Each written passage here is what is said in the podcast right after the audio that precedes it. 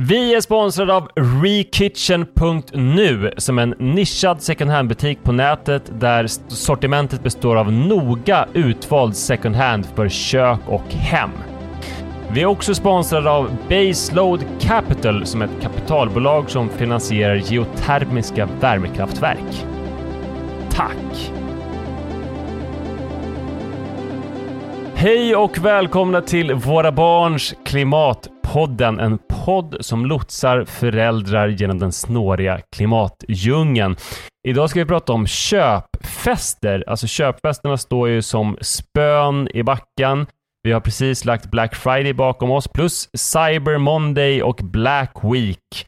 Eh, fortfarande så rasslar det in hela tiden olika sms från butiker som jag handlat hos där de vill att jag ska köpa fler saker.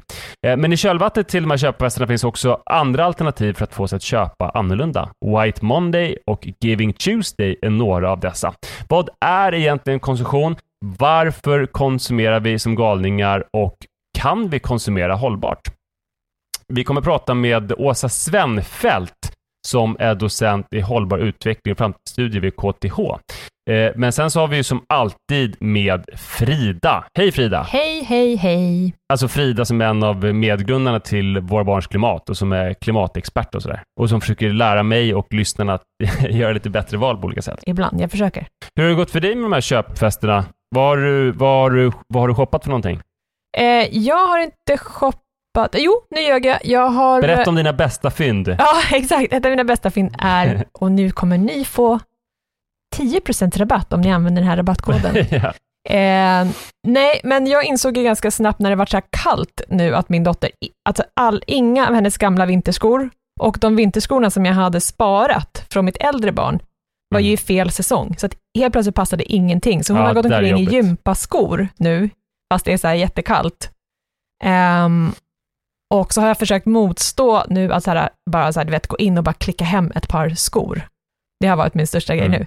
Men nu var jag så jäkla nöjd över att jag då har hittat ett par via Facebook Marketplace. Mm. Och då har jag ju liksom vissa märken på vinterskor som jag vet funkar väldigt bra och håller länge. Så det är min eh, konsumtionshistoria. Är det någonting som du jobbar mycket med, att, eh, att leta efter eh, begagnade alternativ? Ja, jättemycket, men det går ju så sjukt mycket tid, det får man ju säga, om man ska hålla på och, eh, och köpa och sälja barngrejer hela tiden. Det är det jag har insett. Men det är ganska mycket just ehm, olika sådana begagnat plattformar och lite olika för olika saker. Men en grej som är så himla bra är att Tradera nu, där kan man faktiskt donera sina, eh, det man säljer till olika välgörenhetsorganisationer, bland annat Våra Barns Klimat, hint hint. Så kan man sälja sitt klädpaket i storlek 170 och sen klickar jag att man faktiskt kan donera pengarna. Det är lite fint. Grymt bra. Mm. Väldigt bra. Snyggt! Vad har du shoppat på Black Friday?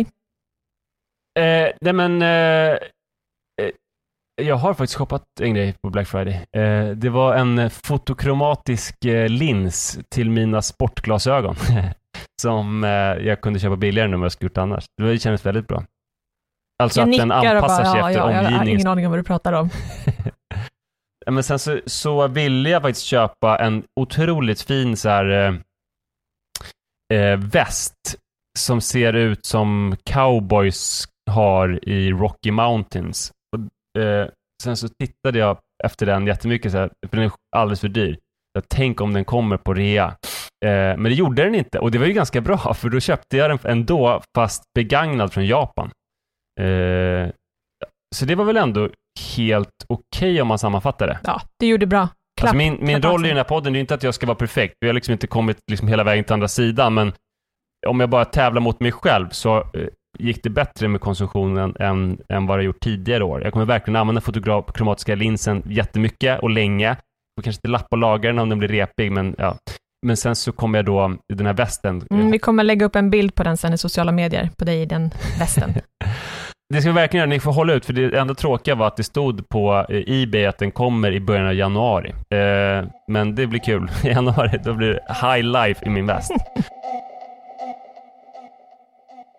det är svårt det här. Man ska shoppa jättemycket, tycker vissa. Alltså tycker butikerna, alltså, som skickar alla sms med erbjudanden. Mina barn tycker oftare, eh, i alla fall när det är saker som de gillar.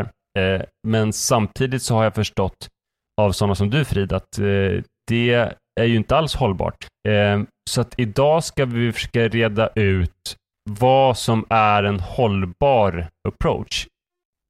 Och vi har hittat en gäst som jag tror verkligen kan eh, lotsa oss genom allt det här svåra, som heter Åsa Svenfält. Hon är docent i hållbar utveckling och framtidsstudier vid KTH.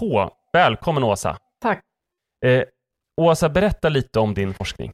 Ja, min forskning handlar om att titta lite mer på lösningar på miljöproblem och klimatproblemen. Istället, jag tittar inte så mycket på själva problemen, utan mer om vad, vad kan vi göra? Hur kan vi tänka framåt för att vi ska kunna komma till rätta med problemen och hitta andra vägar framåt? Det tänkte jag att vi ska prata om, för det är ju superintressant. Alltså, jag är ju bara en, liksom, en vanlig person som eh, försöker göra bra klimatval och väldigt ofta misslyckas. Och jag är en förälder till två barn som älskar när jag shoppar grejer åt dem och jag bombarderas ständigt av budskap om olika saker som jag ska shoppa. Och, eh, jag eh, dagdrömmer ofta om saker som jag ska köpa och sådär. Samtidigt så vet jag ju att det är dåligt. Vi borde shoppa mindre för att det är ohållbart att folk, liksom den rikare delen av världens befolkning shoppar så här mycket som vi gör. Eh, men det som jag då som inte har järnkoll på de här sakerna inte får ihop, det är om jag slutar shoppa och alla som är som jag slutar shoppa, så hur ska det gå då för de som producerar de här varorna och hur ska, vad är alternativet till den här shoppingen och det systemet som vi har nu? Ja, det finns ju många svar på det. Om vi skulle sluta shoppa tvärt, det blir ju lite som vi har sett under pandemin, att många slutade gå på restaurang och shoppa snabbt och då blir det ju jobbiga konsekvenser. Så folk blir med sina jobb, många får lägga ner, det blir kris helt enkelt. Den situationen vill ingen ha, inte heller de som håller på att jobba med det här och vill få att vi ska kanske tänka på att konsumera mindre, utan det vi vill ha är mer en planerad omställning. Man tänker lite långsiktigt. Tänker så här, hur kan vi få till stånd en sån här omställning där vi eh, kanske shoppar mindre och eh, fokuserar på annat, men att det ska ske lite under längre tid. Alltså vi måste tänka nu för hur det ska bli om eh, 2030 eller 2050, för annars så blir det där problemet att vi får kris. Och det är inte en bra situation för någon.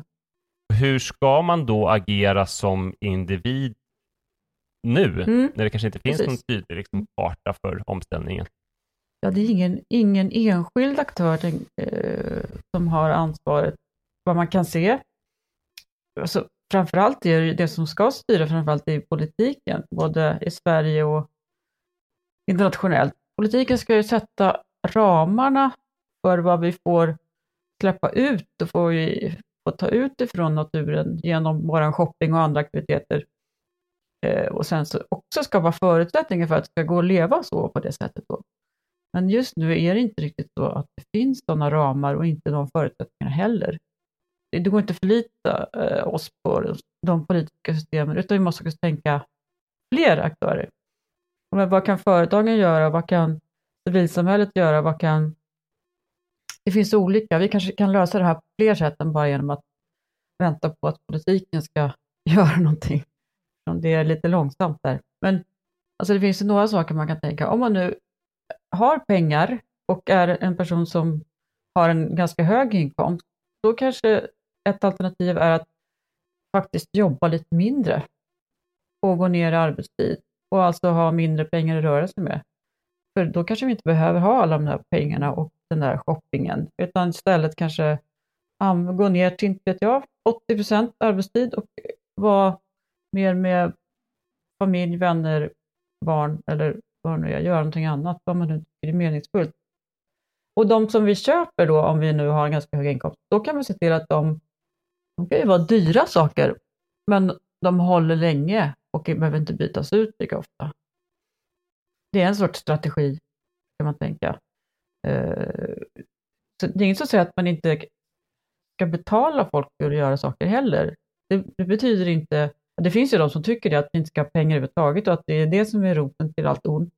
Men man kan tänka sig att vi fortfarande betalar för tjänster, för att vi behåller sakerna längre och reparerar dem. Alltså, det kanske är också en strategi när man är lite lägre inkomst, att liksom försöka att det ska finnas saker som är reparerbara.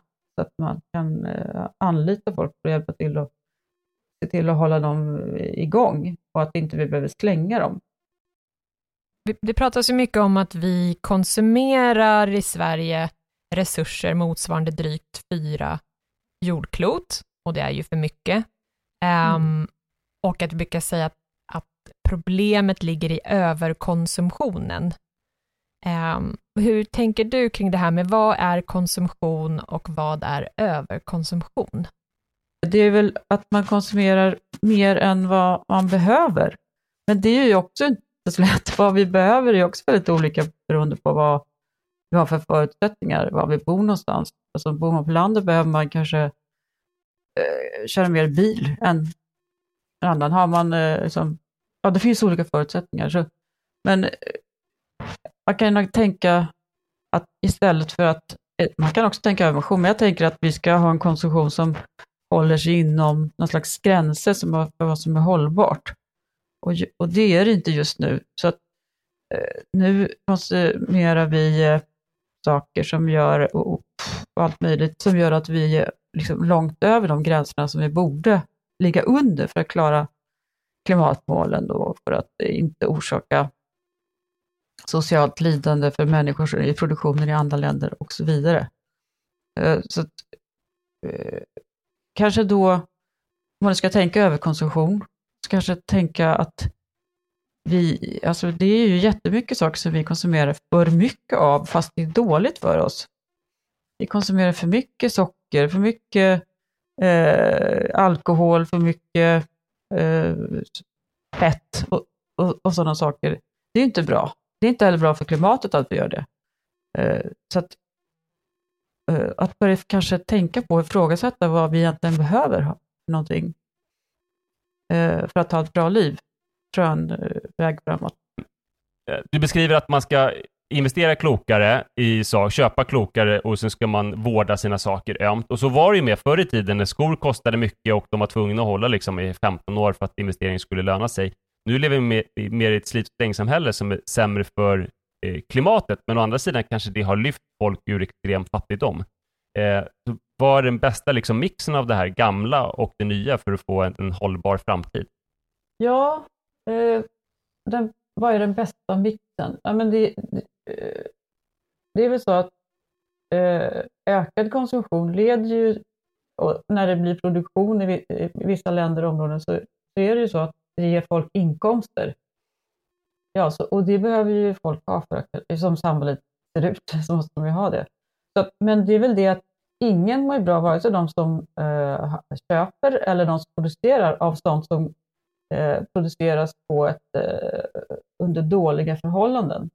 Alltså så att eh, undvika den produktion där saker är så billiga så att de som anställer inte får någon lön knappt, har dåliga arbetsvillkor och, och eh, att vi då som köper sakerna inte ska behöva köpa saker som inte håller och bara liksom är slit och släng.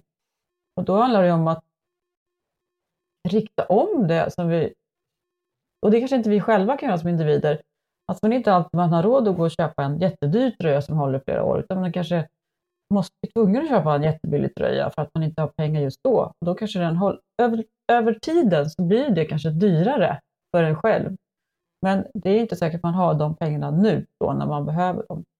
Så det handlar väl om att eh, försöka rikta om så att vi som ska handla, att det kan bli billigare för oss att ha saker av hög kvalitet och då kan vi också betala för en produktion där det också är hög kvalitet och mer betalt för de som jobbar där.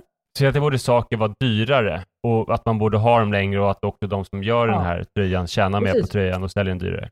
Ja, och då kan det behövas att man hjälper till med att Eh, det finns något som heter livscykelkostnad och då är liksom kostnaden över hela livscykeln. Köper man jättemånga saker varje år så blir det ju i slutändan dyrt och kanske dyrare än om man hade haft något som höll jättelänge.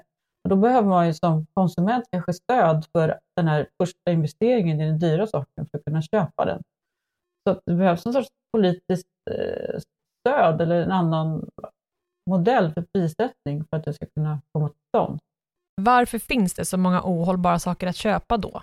kan man inte bara ta bort dem? Kan man inte bara bestämma att, man inte ska, att vi inte ska sälja det? Går inte det? Jo, jo det går ju. det har vi gjort förut. har tagit bort de här glödlamporna som är väldigt energikrävande. De finns ju inte längre. Så att det finns ju bevis på att vi har gjort så och det har fungerat. Och jag vet inte om det var... Då ställde ju industrin om. Det var inte så att glödlampsfabrikerna gick i konkurs, så vet jag vet i alla fall. Så att bara man har liksom långsiktiga... Alltså det finns en planering för det här och talar om att nu kommer det här hända och då kan det, eh, liksom också de som producerar fram alternativ till det. Så att det är klart att det går.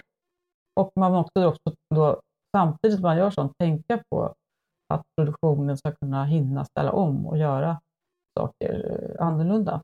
Det, det är ju utmanande eh, som förälder har jag märkt eh, att undvika de här eh, sakerna som man kanske inte behöver. Alltså, en chock för mig. Alltså, jag och min fru hade försökt leva liksom hyfsat prylbantat innan, men när barnen kom in i våra liv så var det liksom så här, alltså så mycket saker. Dels det här blöjberget, men sen alla leksaker. Varenda födelsedag så var det liksom som en typ container som skeppades in i ens hem med olika saker, ofta i plast.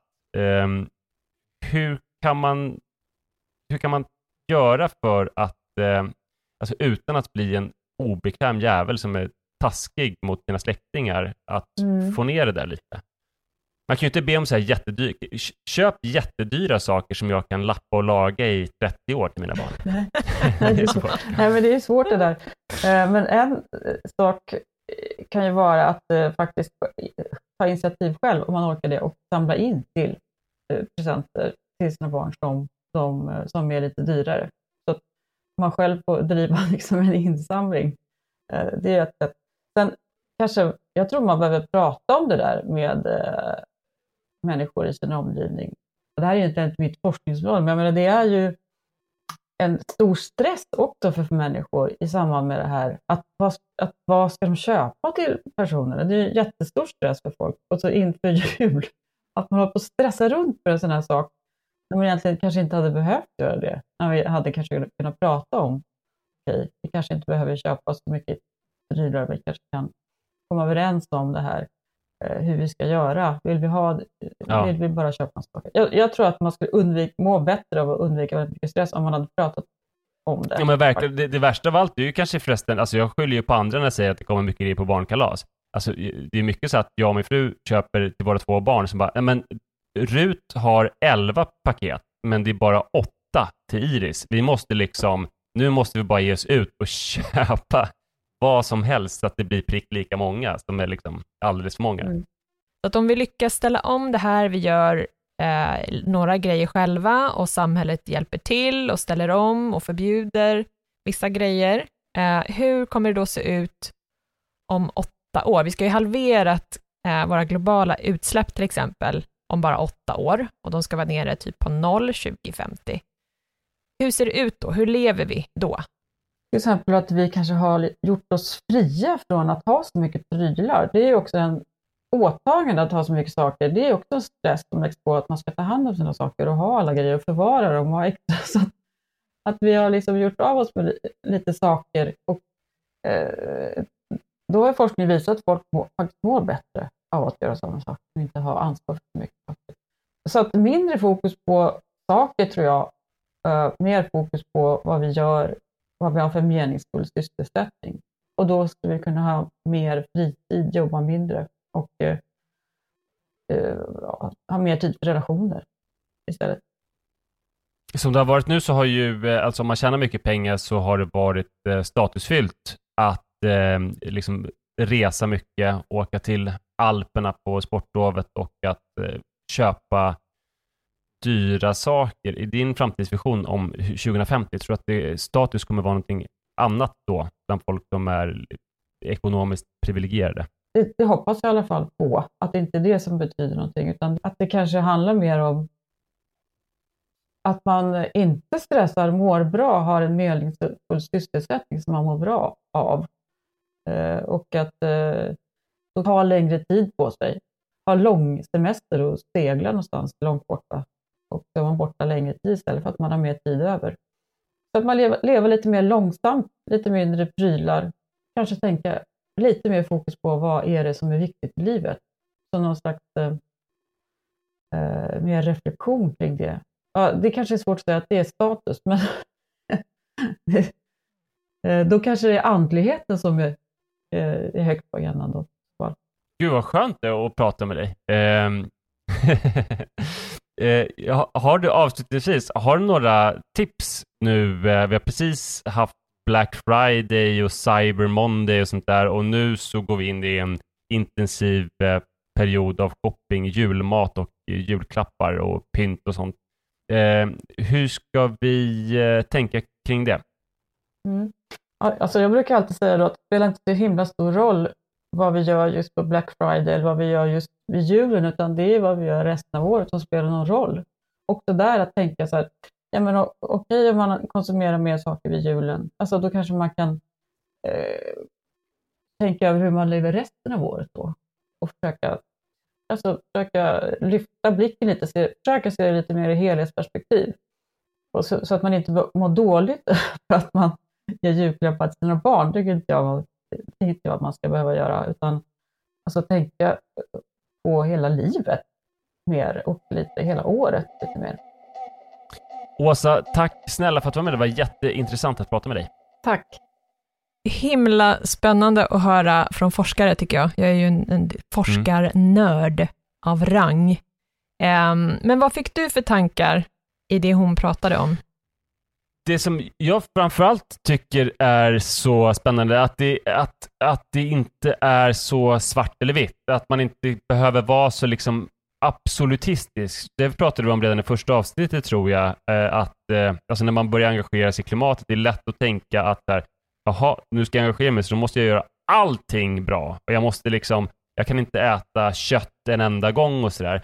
Men eh, att eh, det mer och mer landar i, tycker jag, att sådana som jag borde liksom göra så många bra val som möjligt. Och i mitt fall så är det ju kanske inte att inte köpa en enda julklapp eller att sluta liksom konsumera helt, utan att se vad är det jag konsumerar och kan jag konsumera det lite dyrare och lite bättre och lite hållbara saker och lite färre saker.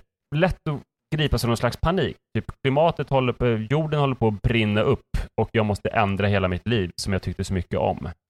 Um, fortfarande kanske är så att jorden håller på att brinna upp, men lösningen är inte att jag ändrar precis på allting. Uh, och det, men det är ett ganska skönt och lätt budskap att ta till sig på det sättet. Och det svarar också på den här frågan, så att jaha, om vi slutar shoppa, vad händer med de som producerar de här varorna? Eh, så ja, det var, det var intressant och lite så här trösterikt också tyckte jag. Vad, hur, vad säger du själv? Ja, men precis. Vi var inne på det där just att, här, att ha en ordnad omställning. Alltså förr eller senare så kommer systemet, om vi inte skärper till oss, kommer det krascha på olika sätt. Så att vi behöver ha en mm. ordnad, det är bättre att vi gör det nu.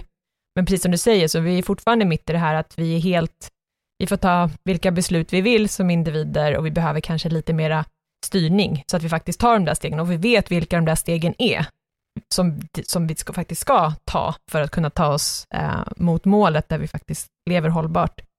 Men jag tänkte också på det här som hon pratade om, att det är kanske olika roller vi har, beroende lite grann på hur mycket vi tjänar, såklart. Mm.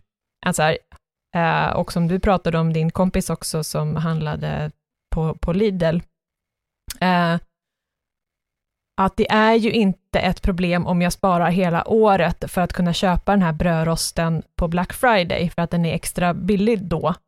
Um, utan det är ju väldigt mycket den överkonsumtion som sker, och då kan man ha olika åsikter om vad som är överkonsumtion. Um, men något som jag tycker är ganska slående i Sverige är ju att vi har en medelklass på över 60 procent.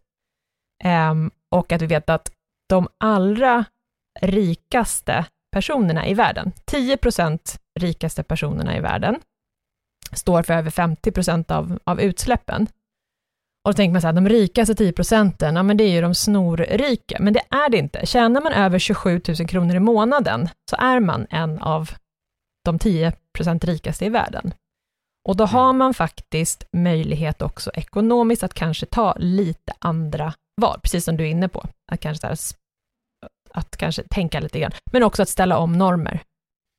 Eh, en annan sak som jag tog med mig, det är det här med eh, status. Eh, och det är mm. dels eh, materiell status och sen så här mer immateriella grejer. Jag tror att det är den här podden som jag pratat om Prince Charles som ett föredöme.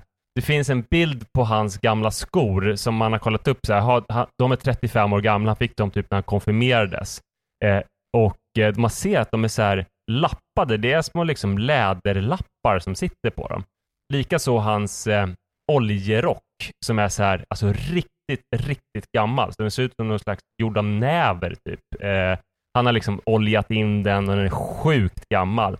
Och så där kan man ju göra. Eh, alltså om man är så pass liksom rik eh, och så som Prince Charles, det är ingen som kommer tycka så här att han är någon knapadel eller fattiglapp eller sådär. Så därför kan han ju ta sig friheten verkligen att vårda sina grejer.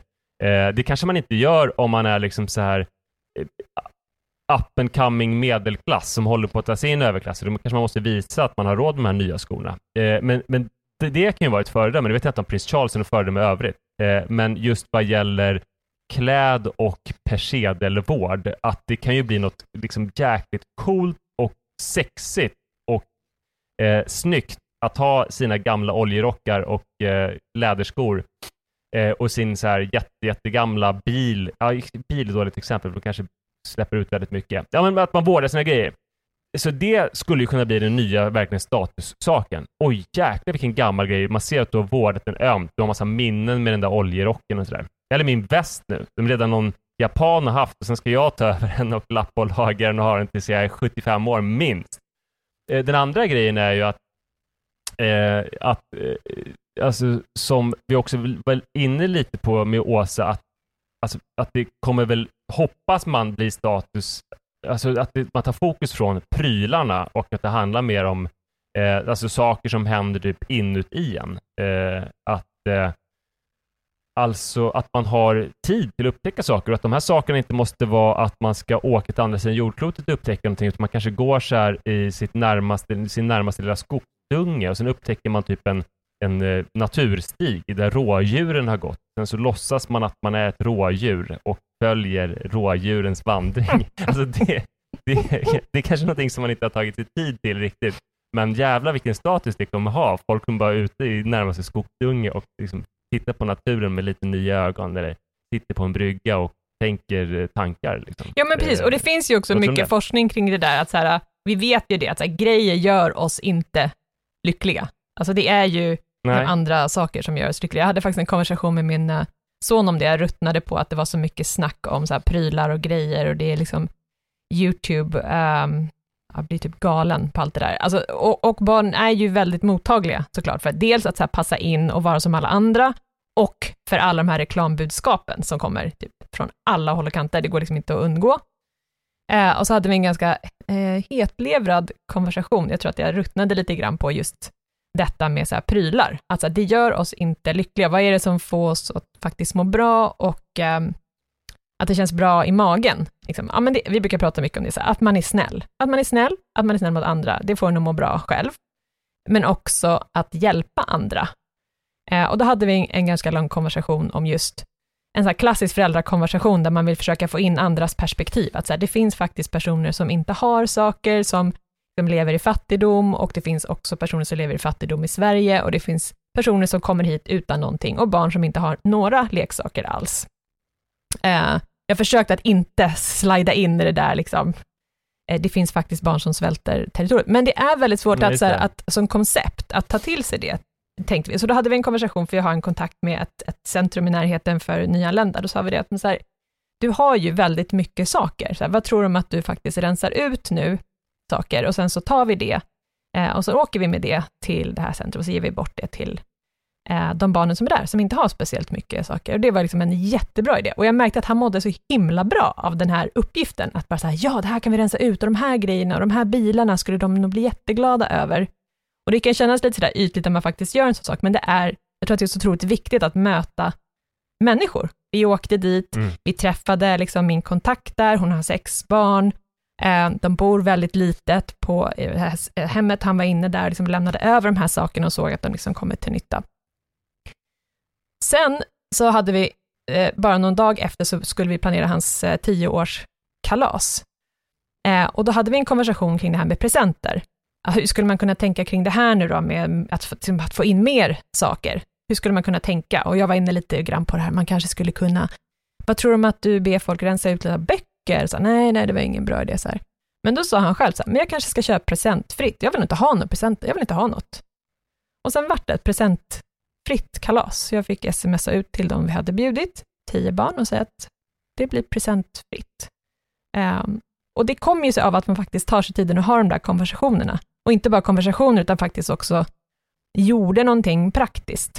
Och jag tror att han upptäckte också att det får en att må bra, att ge till andra till exempel, att vara snäll och sådana saker. Det var i alla fall en intressant, um, en liten föräldra-win, du vet i vågen gud, av, när man känner att man ger dåliga saker, så det var är en Ja. liten vinst ändå. Förra avsnittet så pratade vi om beroende och frågade oss vilka likheter som fanns mellan alkohol och fossilberoende. Man skulle kunna säga att överkonsumtion är ett lika djupt beroende hos oss som eh, klingar på den kognitiva dissonansen, det vill säga vi vet att vi gör något som inte är bra för oss eller våra barn och miljön, men vi gör det ändå. Frida, anser du att vi har en sjukdomsinsikt i det här? Jag tycker att vi börjar få det. Jag, jag tycker mig se att det, att det gnager och att folk börjar ta andra val och att vi normaliserar andra typer av val också. Jag menar bara, min granne har börjat hyra kläder, um, att det finns liksom en liten trend också i det här med vintage och second hand och byta och låna. Så att, att det finns ju starka signaler från samhället och att vi ser det runt oss som jag tror är väldigt viktiga. Jag tror att i min bubbla så skulle det vara svårt att gå till mina kompisar och säga så här, Hörni, alltså ni anar inte, jag har gjort så sjukt mycket bra Black Friday-shopping. Jag har handlat för 23 000 kronor. Det hade kostat 45 om det inte hade varit kampanjer. Då, då hade folk tyckt att jag var helt dum i huvudet. Alltså jag tänkte på när jag bodde i Oxford till exempel, en plats som är känd för liksom, eh, sitt fina universitet. Och jag bodde där i flera år innan jag insåg att det var någonting som, som, jag in, som, som, som var annorlunda i gaturummet när jag rörde mig. Och sen insåg jag, alltså det tog mig år, att jag inte ens såg att det fanns inga reklambillboards i hela stan. Så bara, men och när jag väl upptäckte det så var det så här, nej men vänta, va, men vänta nu, varför det? Och det är ju för att alla byggnader i Oxfords innerstad är ägda av universitetet. Eh, och de vill inte ha reklambillboards såklart på, för de vill att folk ska vara där, det är liksom ett, ett lärande, ett lärosäte där man ska liksom insupa djup kunskap inom de här hundratals eh, år gamla väggarna. Eh, men det var ändå ganska intressant, alltså där, där man har varit i andra typer av gaturum där man verkligen är bombarderad hela, hela tiden. Jag var i Paris nyligen och reagerade på att Louvren, men det känns ju märkligt vad intäkter liksom världens största vepa med Apple-reklam. Det kändes ju eh, konstigt alltså. Verkligen. Det är konstigt, Okej, och fossilbolagen är ju väldigt duktiga på också att sponsra till exempel konst och kultur. Tate Modern också i, eh, i London har ju fått stark kritik just för att eh, ett av de stora oljebolagen är ju inne och sponsrar. Vad ska vi kalla det? Artwashing. Bra ord. Har du några fler tips att eh, skicka med till alla föräldrar som upplever köphets? Ja, men jag tänker på två saker. Ett som handlar om liksom den politiska arenan, för det, det var vi inne på lite med Åsa också. Så här, vad behöver hända i politiken för att vi faktiskt ska få hjälp i att göra det här skiftet nu som vi vet måste ske? Eh, och det som är på, på tapeten väldigt mycket just nu är ju det här att vi faktiskt, vi har inget mål för konsumtionen i Sverige. Och har man inget mål, det vi inte mäter, kommer vi heller inte arbeta aktivt med.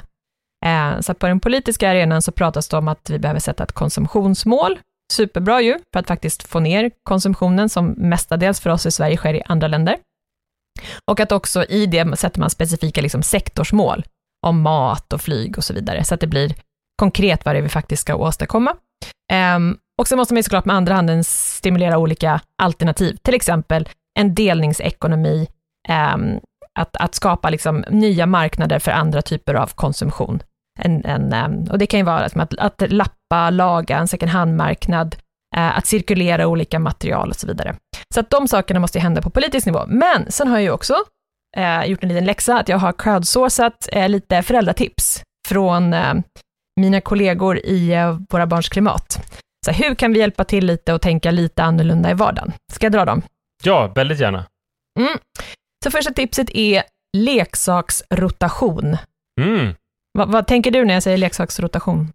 Men jag blir överlycklig när jag hör leksaksrotation för att jag, det jag tänker på är eh, såna här gårdsloppisar och sånt där. Var det så du menade? Och nästan, men leksaksrotation, och det här är framförallt för mindre barn, är att man har ju så sjukt mycket grejer hemma.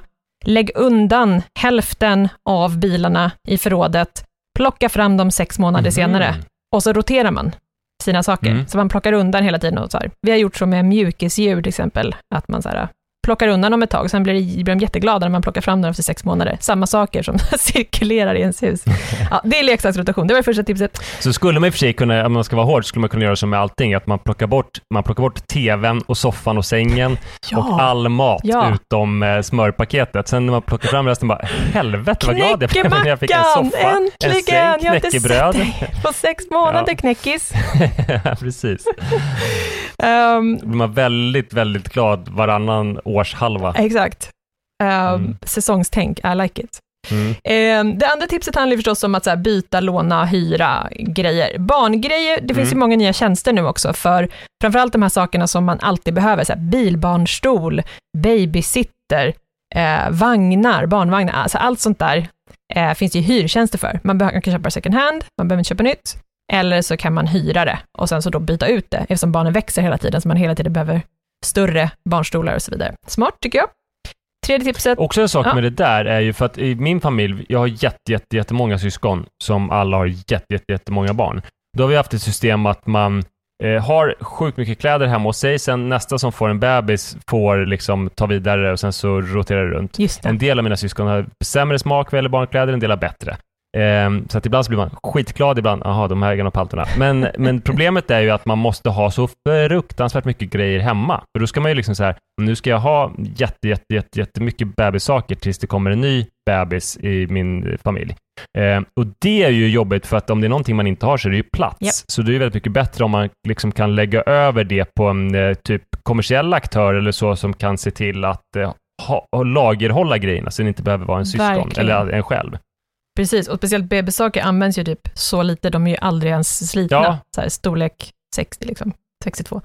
Jag har glömt bort vad ens vad bebisstorlekarna är. Eh, jag återgår till min mycket mindre om tipslista. man inte behöver ha massa bebissaker. Precis, nu återgår jag till tipslistan. Ehm, Ja, förlåt för att jag eh, säger jättelånga fotnoter tipslista. till allting. Mm. ehm, jo, men det här är också så här, att göra upp på förhand, så innan jul eller barnkalas, att faktiskt här, ha snacket med eventuella släktmedlemmar om hur man tänker. Till exempel, i år vill vi inte ha så mycket prylar, vi vill hellre ha erfarenheter. Biobiljetter, Mm. lekland, teaterbesök, museum och så vidare. Så att man faktiskt preppar innan, eh, så att man inte heller får in så mycket onödigt för att folk köper saker som man inte vill ha heller. Skitbra. Skitbra. Eh, en annan sak är att, att, då, att eh, säga att man faktiskt samlar pengar och köper en större sak. Det finns i vissa eh, bostadsområden att man faktiskt, när man har barnkalas, att man går ihop och så istället så swishar man en liten summa, 20-50 spänn, eh, och för att faktiskt eh, köpa någonting lite större. Ehm, och sen också, som en person lyfte, att det är svinsvårt att åka till ett shoppingcenter med barn och inte komma därifrån med någonting. Men herregud, det är svårt att åka till Hemköp Japp. med barnen. Vad man, exakt. Så, så här, det här tipset är ett, ett, ta inte med barnen Mm. om man behöver göra ärenden. Eh, men också att faktiskt alltså, såklart att inte kanske spendera lördagen på ett shoppingcenter är ju ett bra tips att, att undvika att komma därifrån med saker, att man gör något annat istället. Eh, två, jag har två tips till och det ena är att, så här, att göra det som jag faktiskt gjorde med min son, att ta sig tiden att ha de här samtalen, bara så här, li, skrapa lite Ja. på ytan, ehm, kan ha stor effekt, märkte jag i alla fall. Och mitt sista och bästa tips, unsubscribe från Mm. Ta, ta tillfället i akt nu när man har fått massor med mail efter Black Friday och klicka på unsubscribe så man slipper så mycket reklam i mejllådan i alla fall. Mm, det var Ja, listan. det var ett jättebra tips. Jag älskar den här listan. Tack våra barns klimat eh, engagerade för dem. Ja, vad kloka och smarta de är. En annan som är väldigt klok och smart, det är ju eh, producenten Mm, för den här podden, Verkligen. Sofia Ersson. Eh, hon, hon, vi ser henne och hör henne hela tiden, men ni gör inte det. Men allting som går in i den här podden, utom det som är rena felsägningar och dumheter, eh, eh, liksom, eh, så Sofia bakom också. Eh, så tack producent Sofia Ersson och eh, om ni vill ha kontakt med oss, eh, komma med ris eller ros eller förslag på någonting som vi borde ta upp så kan man mejla oss till podd at varabarnsklimat.se. Alltså Våra Barns Klimat utan prickar. Podd at vårabarnsklimat.se utan prickar. Tack snälla Frida för idag. Tack Manne för idag. Våra barns klimat, Våra barns klimat, Våra barns